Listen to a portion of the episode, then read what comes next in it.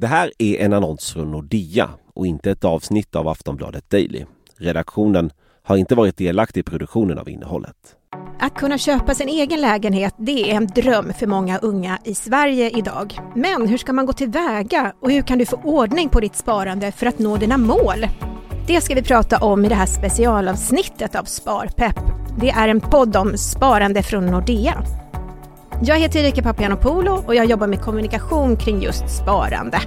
Och med mig i studion så har jag Nordeas sparekonom Anders Stenkrona. Hej Anders! Hej hej! Och vi har bjudit in en gäst här idag som ska berätta om hur hon lyckades med att köpa sin första bostad.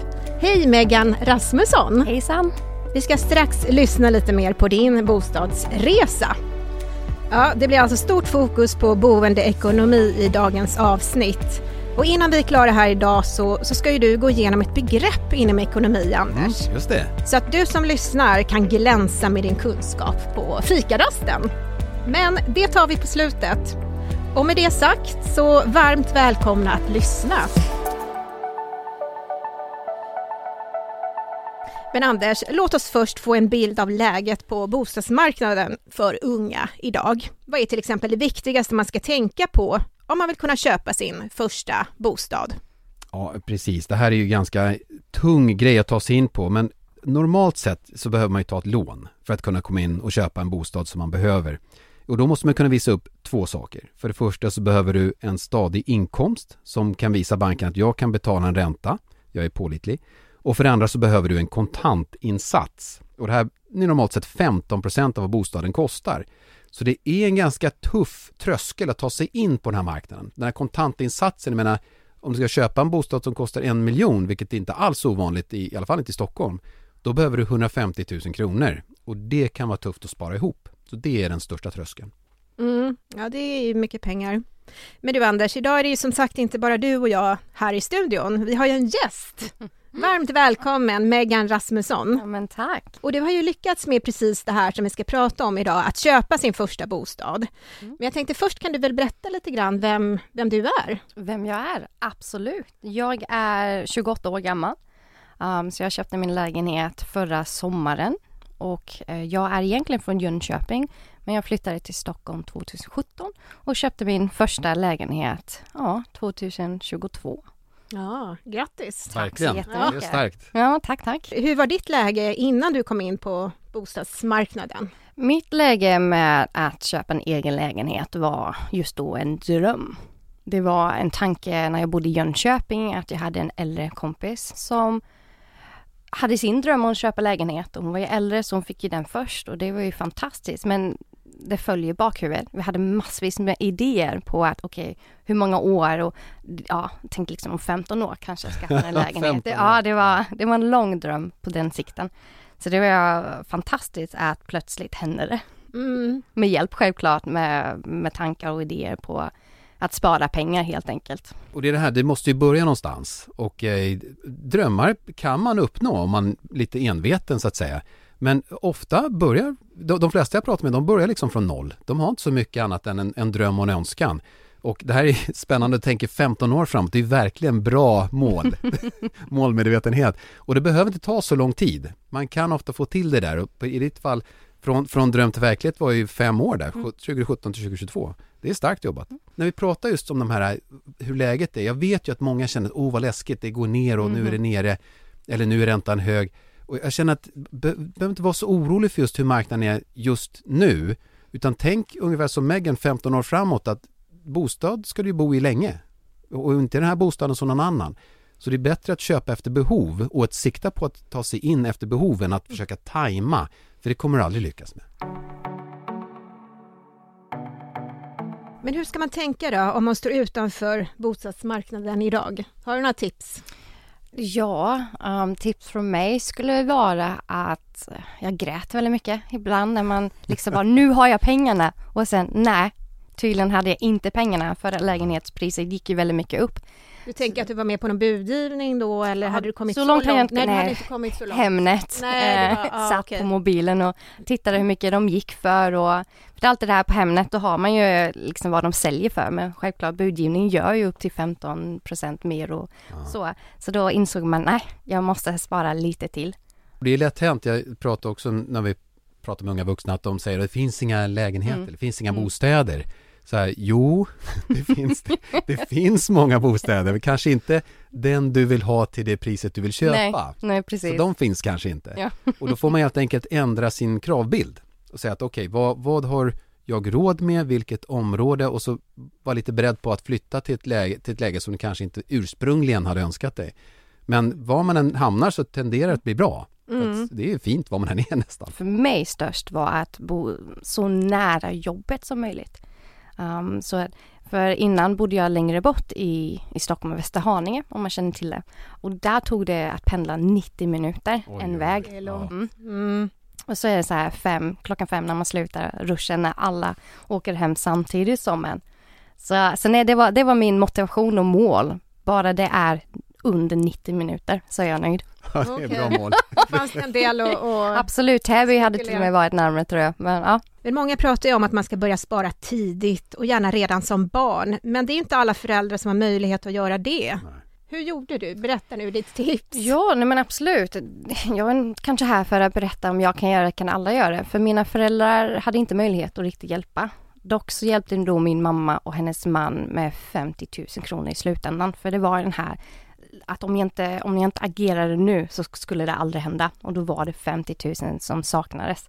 Um, så där fick jag absolut hjälp. Men det här med att spara när man är yngre, det var ju några kronor jag sparade, sen försvann det på lösgodis. Mm. Um, även när jag var vuxen så hände det så också. Så det var när jag ville köpa en lägenhet, då var det, då var det dags att spara på allvar. Hur länge sparade du? Under hur lång tid? Jag skulle säga 2020. Det var Mm. under covid. Ja. Då Var var det då det, började? då var det att alright, det, det är dags. Uh, då, då var jag förlovad och då, då var man ju två. Uh, våra inkomster var dock inte så stora men då var man ändå två och tänkte nu är det dags att köpa lägenhet. Den förlovningen funkar inte så, eh, då gick jag ju tillbaka i tanken till att nu är jag ju själv igen. Då stannade jag kvar där jag bodde helt enkelt. Det var billigt och bra. Jag hade ett rum med en jättefantastisk person i mitt liv. Um, hon var jättetrevlig och vi trivdes jättebra. Så när jag, då kom jag tillbaka till att nej men, då sparar jag pengar själv och ser vad som händer. Men jag tycker det var väldigt klokt hur du liksom försökte se till att du har en låga omkostnader Ja. så att du kan spara. Absolut. För det är, ju, det är ju tanken om man ska få ihop mycket pengar under ganska kort tid. Då kan man ju tänka sig hur mycket kommer det kosta att bo i en lägenhet om jag köper den? Då kan man ju testa den ekonomin Ja. och spara undan så mycket pengar. Mm. Så att man försöker verkligen lägga undan så mycket det bara går. Absolut. Och på jobbet när jag jobbar som lärare, då får man ju lunch där också. Mm. Så jag, jag liksom, när jag studerade, då var det att man fick fixa lunch själv varje dag. Mm. Då blev det ju 7-Eleven, pastasalladsbaren där väldigt ofta. Och Mm. då, då försvann ju det sen. Um, men nej, absolut att när man jobbar på en skola, man har lunch där, man har låga avgifter, har jättelåg abonnemang på mobilen och gjorde allt fast ändå kände mig bekväm. Jag hängde med kompisar istället för att gå ut och äta. Då gick vi Mm. på en promenad istället. Man, man kan göra gratis saker, vilket hjälpte jättemycket. Det är väldigt bra, för det pratade vi om lite grann tidigare, Anders och jag, att ja, man har ett mål man ska spara, men man kan ju inte bara gå upp i det, man måste ju fortsätta leva och må bra under tiden Ja. också, så att det, det är ju ett sätt att umgås, då mår man ju bra och får liksom, Mm. ja, Och jag tänker det var smart utav dig att hitta billiga sätt att leva. så att man, Det är man är lite på. smart där. Så att man lär sig leva på det man har på fickan. Så att Mm. om man sparar lägger undan, då, då lär man sig att men det här är det jag har att spendera. Och då blir man lite kreativ och kan hitta på roliga saker som inte nödvändigtvis tar en massa pengar. en, precis, en promenad kostar ju ingenting, men det ger ju mycket, det är bra för en själv och ens kropp och man får, kan prata med en kompis. Speciellt och, under sommaren. Mm. Ja, Absolut.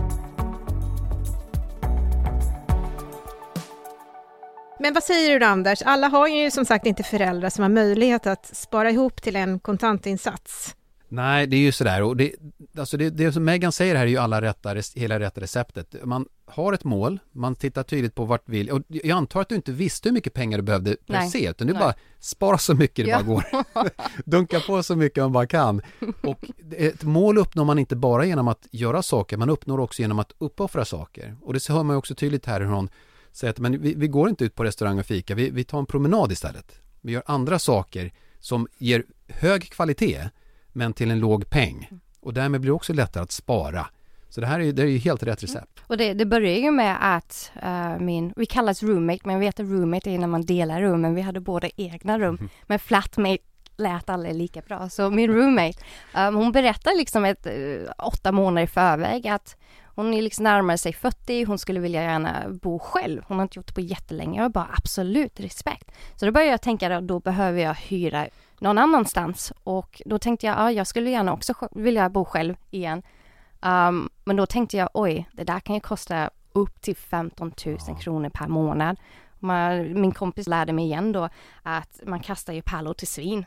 Att de där pengarna får du inte tillbaka.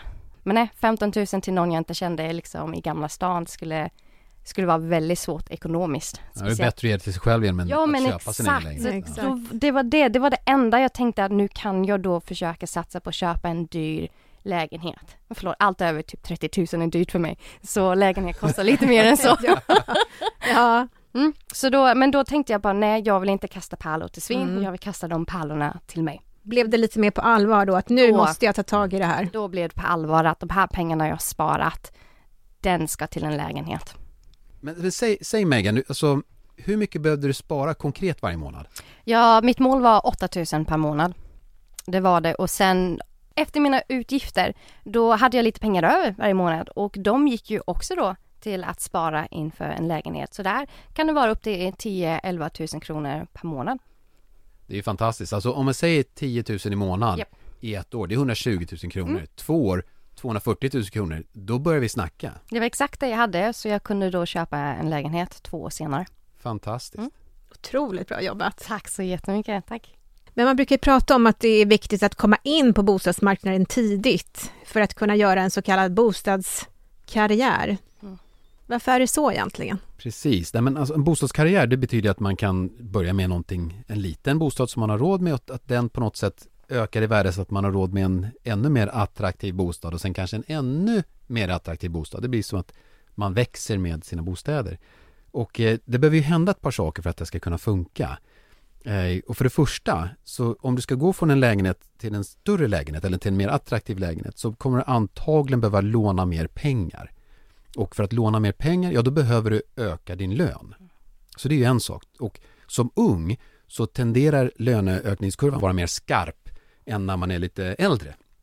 Mer platåat. Men så att det är en grej. Så att när man är ung så finns det en förväntan att jag kan tjäna mer pengar antagligen. Och gör man det så kan man låna mer pengar. Så det är en faktor.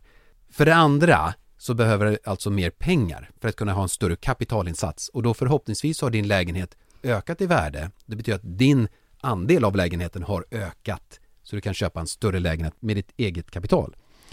För det, det är jättesvårt att spara ikapp marknadens värdeökning.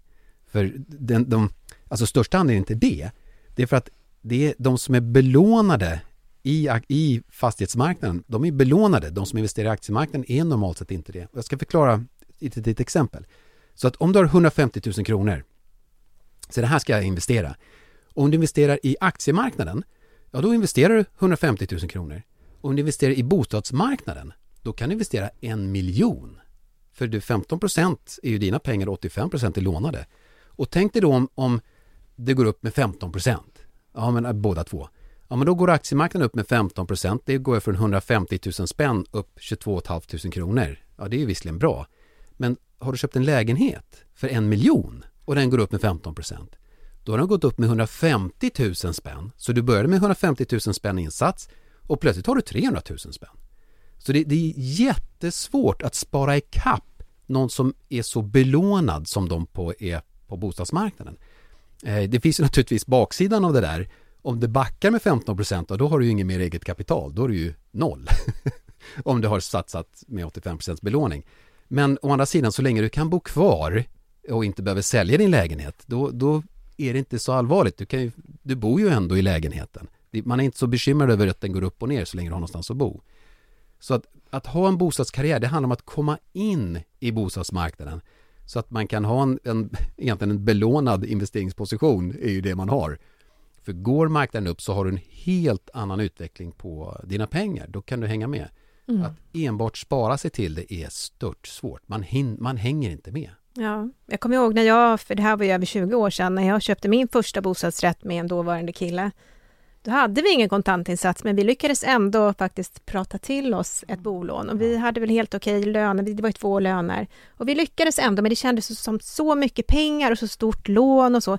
Men då kom vi in på marknaden i alla fall och det är det bästa man har gjort. Ja. Sen tog det förhållandet slut och sen köpte jag ut honom och sen rullade det på och sen träffade jag ny kille något år senare och sen ja, lite så. Och det har varit faktiskt lite så kallad bostadskarriär, men det har ju behoven ändrar ju sig över tid i livet liksom. Och nu är jag tillbaka till en lite mindre lägenhet efter. Men det, jag kan ändå bo i en jättefin och bra lägenhet idag, så att jag känner mig, man är ju nöjd liksom. Men vad tänker du om det här med så kallad bostadskarriär? Ja, alltså nu känner jag att du vill jag ha en. Uh, för jag, när, jag, när jag köpte min lägenhet, eh, en liten tvåa så, då, då skämtade jag om att nu har jag en lilltå mm. i dörren. Och man vill kanske ha hela foten i dörren. Att skaffa en, en, en till lägenhet och jag trivs bra där jag bor. Men om, om min familj utökar mer än mig själv, då absolut behöver jag ett större ställe. Och där vill man då vara redo att, som du säger, man kan liksom bygga upp sig till bättre och större. Mm. Nu har jag en fråga till dig, för det här är någonting som jag vet flera har känt eh, som köpt sin ny, lägenhet nyligen. Har den gått ner i värde? Min lägenhet? Ja. Det vågar jag faktiskt inte titta på. Nej, men, det... men då är egentligen min följdfråga, spelar det någon roll för dig? Nej, nej, nej det gör det inte. Du trivs ju ja. bra där. Du bor ju ändå där mm. och du kan bo där, då spelar det ingen roll. Men jag tänker, hur gick det till? Du levde billigare och så, ja. men hur gjorde du? Du sparade på ett rent praktiskt bara på, la undan de pengarna på något konto oh, eller hur? Där önskar jag att jag kunde börja om med hur jag gjorde. Jag hade det på en helt vanligt konto med 0 ränta. Och, under hur lång tid? Ja men 2020. Mm. Augusti 2020. Där fick jag då jobb som lärare. Vad säger du om det Anders? Ja, alltså på ett års sikt så är det rätt bra att ha dem i, i fast mm. liksom något typ av fasträntekonto eller sparkonto. Eh, på tre års sikt så brukar vi tänka att men då ökar sannolikheten att börsen går upp. Så mm. då, då, kan det vara bra att investera pengarna. Så att någonstans där när det, om man har mer än två, tre års placeringshorisont så, så tenderar det att vara en bra investering att vara på börsen. Men det, man, man ska vara medveten om att det kan gå ner.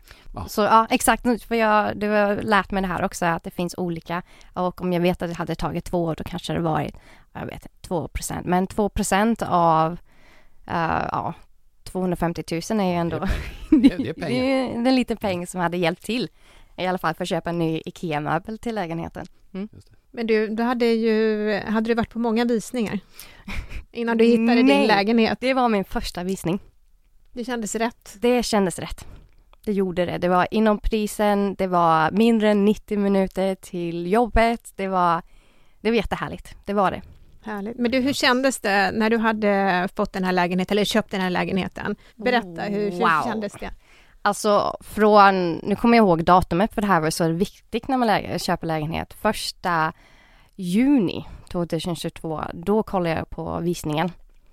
Och samma dag ringde jag och berättade, men jag är intresserad av lägenheten. Och de bara, ja vi tänkte det, du var, du var rätt för den här lägenheten. Jag bara, yes. Och jag tänker mäklaren säger det till alla, men jag, jag tog det väldigt personligt och bara, den här är min. Och vi skulle skriva på kontrakt uh, på fredagen redan. Och det här var ju då, oj, jag hade inte fått något lånelöfte ännu. Och jag vet att det är jättesnabbt att få lånelöfte från min bank och det var inte Nordea. Jag bytte till Nordea för det här var så, ah. så jobbigt. Jajamensan. Eftersom det var accepterat pris. Eh, lånelöfte är ju då att hur mycket pengar är du villig att betala? Är du säker du har de här? Nu visste jag att jag har de här pengarna. De är i mitt konto. Liksom kan jag få den här lägenheten tack? Och man måste göra allt det här innan man skriver på kontrakt självklart. Så då då kollar jag med banken och det jobbigaste med mitt sätt är ju då att jag hade bara ett års kontrakter åt gången. Så jag bara, Menar du jobbet eller? Precis, mm. precis. Så, så där och, och, och, som lärare, det behövs ju. Så det, de, var, de var inte oroliga över det. Men banken ringde mig från Jönköping för de trodde jag skulle köpa en lägenhet i Jönköping. Så, så jag pratade med tre personer från den här banken innan vi bestämde och då frågade jag, ska jag göra ett lånelöfte eller, och de sa, nej men vi hoppar över det steget. Du har redan mm. ditt accepterat, vi hoppar över. Och så frågade jag, ja men mitt kontrakt, är det här okej? Okay? Det här är min lön idag, jag känner mig liksom att det här funkar. De bara absolut, var inte rolig, vi ser det här, det här känns okej. Okay. Och sen kom den här kvinnan som faktiskt kunde bestämma om jag skulle få det här lånelöftet eller inte. Och hon bara, va, vad är det här? Nej, du kan inte få det här. Oj. Jag vet. Och det här var liksom dagen liksom innan jag skulle skriva på kontraktet. Jag tänkte om jag inte gör det, då Men hur kändes det? Hur kände du då? Du har ingen aning hur det kändes. Eller det, eller den kanske har det, men det kändes tungt och jag och några till skulle åka till Gröna Lund den, den dagen uh, för att fira ja. att det är liksom sommar och så. Och det vill jag inte göra längre. Så tungt var min själ. Att jag kan inte, de visste inte. Alltså för två dagar, ingen visste att jag skulle, mamma och pappa visste inte ens att jag du inte berättat på. för Nej, dem? gått två dagar, jag ville inte jinxa ett och så. Jag tänkte bara, um, nej så jag var, och bara tänka på det kommer de här känslorna tillbaka med att det var jätte, jättetufft. För tänk om jag inte får det här. Um, men då hjälpte mäklare till att, uh, någon som jobbade på Nordea till att jag känner någon, eh, uh, kolla upp det här. Och då, um, nej, då kollade jag bara, hej Megan, jag har hört att det inte gick så bra med det här, hur kommer det sig? Jag berättade, jag hade alla samma papper som jag hade för min förra bank. Han kollade på det en halvtimme senare kunde han berätta att det var beviljat. Fantastiskt. Inga konstigheter alls. Åh, vad skönt. Och absolut, så jag bara, och det var en halvtimme till innan jag skulle åka till Gröna Lund. Du jag, säga, jag åkte till Gröna ja, Lund? Jag, jag åkte till Gröna Lund med de bästa nyheterna någonsin till mina närmaste vänner och överraskade dem precis innan vi skulle åka så här läskigt. Åkte du allting också? Nej, alla det gjorde jag Jag ville överleva bara, Nu släpper jag allt. Nej, jag tänkte jag ville överleva för att kunna öppna den här dörren. Smart. Och det var tyvärr en lång svar på din fråga. Men den där känslan av att det löste sig. Underbart. Och att jag inte hade brutit något kontrakt eller något utan jag hade köpt en lägenhet och en, direkt bara en månad efter, jag vet det kanske dröjer tre månader men jag fick lägenheten en månad senare. Så 3 juli öppnade jag dörren och min kollega sa nej kom ut igen, kom ut igen, vi filmar här. Så då, då stängde vi och så filmade han när jag öppnade upp och det var, det var en fantastisk känsla. Congratulations! This is yours. Yeah. Det var det. Och det såg mycket, mycket större ut än vad jag hade förväntat mig. För man hade glömt den månaden man hade sett sitt hus för första gången, eller lägenhet. Till de som lyssnar på det här avsnittet, vad skulle du vilja skicka med till dem? Som är i det här skedet nu, att de vill eh, drömmer om en egen bostad. Det är absolut möjligt. Och det är vad som hjälpte mig, jag är så himla snål så jag tänkte på jag vill inte köpa en egen lägenhet för det kostar mycket pengar det också. Um, varje månad att ha det. Men det är för mig, du kastar inte pärlor till svin. Det är dina egna pengar och som du berättade Anders, det är en investering till sig själv. Och det är första saken som jag gjorde som jag kände liksom, wow, nu är jag vuxen. Vuxenpoäng. Absolut, och det trodde jag inte i något av mina liv, liksom att jag skulle tro att jag skulle få köpa en egen lägenhet innan jag var 30. Och den andra skulle vara att du måste uppoffra några kanske av de roliga sakerna. Uh, utekvällar, fika, svensk, vi, vi älskar ju att fika. Uh, men det får man söka på jobbet eller baka hemma kanske mm. istället. Uh, för att hitta de här lösningarna, inte bara ta bort allting utan hitta billigare lösningar. Så att du ett steg i taget kommer till ditt mål. Och samma sak, jag hade förväntat mig att efter tre månader skulle jag ha allting. Det var, så funkar min hjärna. Jag har aldrig tänkt så långsiktigt innan. Så för mig var det liksom, då grät jag och bara, ni har aldrig råd för det här, det här kommer inte funka. Och sen nästa månad bara, okej okay, nu kör vi. Så det, det gick ju på i två år och sen bara, nu, nu kör vi. På allvar. Men det här är ju fantastisk resa att du kunde spara till någonting så pass långsiktigt ja. som i din värld inte gjort tidigare. Det är ju mm. fantastiskt. Mm. Eh, och som vi märker, det är, det är svårt, det är jobbigt att ta sig in i bostadsmarknaden, så man måste verkligen enträget gå in för att göra det här. Mm. Eh, och det är klart, det är inte helt riskfritt, men kan man hantera kostnaderna, som du sa där, även när det stormar, då kan man i alla fall bo kvar. Och så får man tänka mer långsiktigt på det. Det är fantastiskt, jätteroligt att höra din resa. Tack. Vad skulle du vilja skicka med till lyssnarna? Ja. Vad är dina bästa tips från Sparekonomen? Jag, jag blir så inspirerad av att höra det här, men just att den långsiktighet som Megan visar på här, att det tar inte tre månader, utan det här tar år. Och att man enträget ser till att nå det här målet, det är väldigt inspirerande när jag tänker tillbaka, det är som sagt, jag, jag började på noll kronor. Så jag började från noll, fick ett jobb fulltid och jobbade upp mig till en 15% kontoinsats för en lägenhet som jag trivs väldigt bra med. Fantastiskt. Härligt. Bra jobbat. Tack så jättemycket.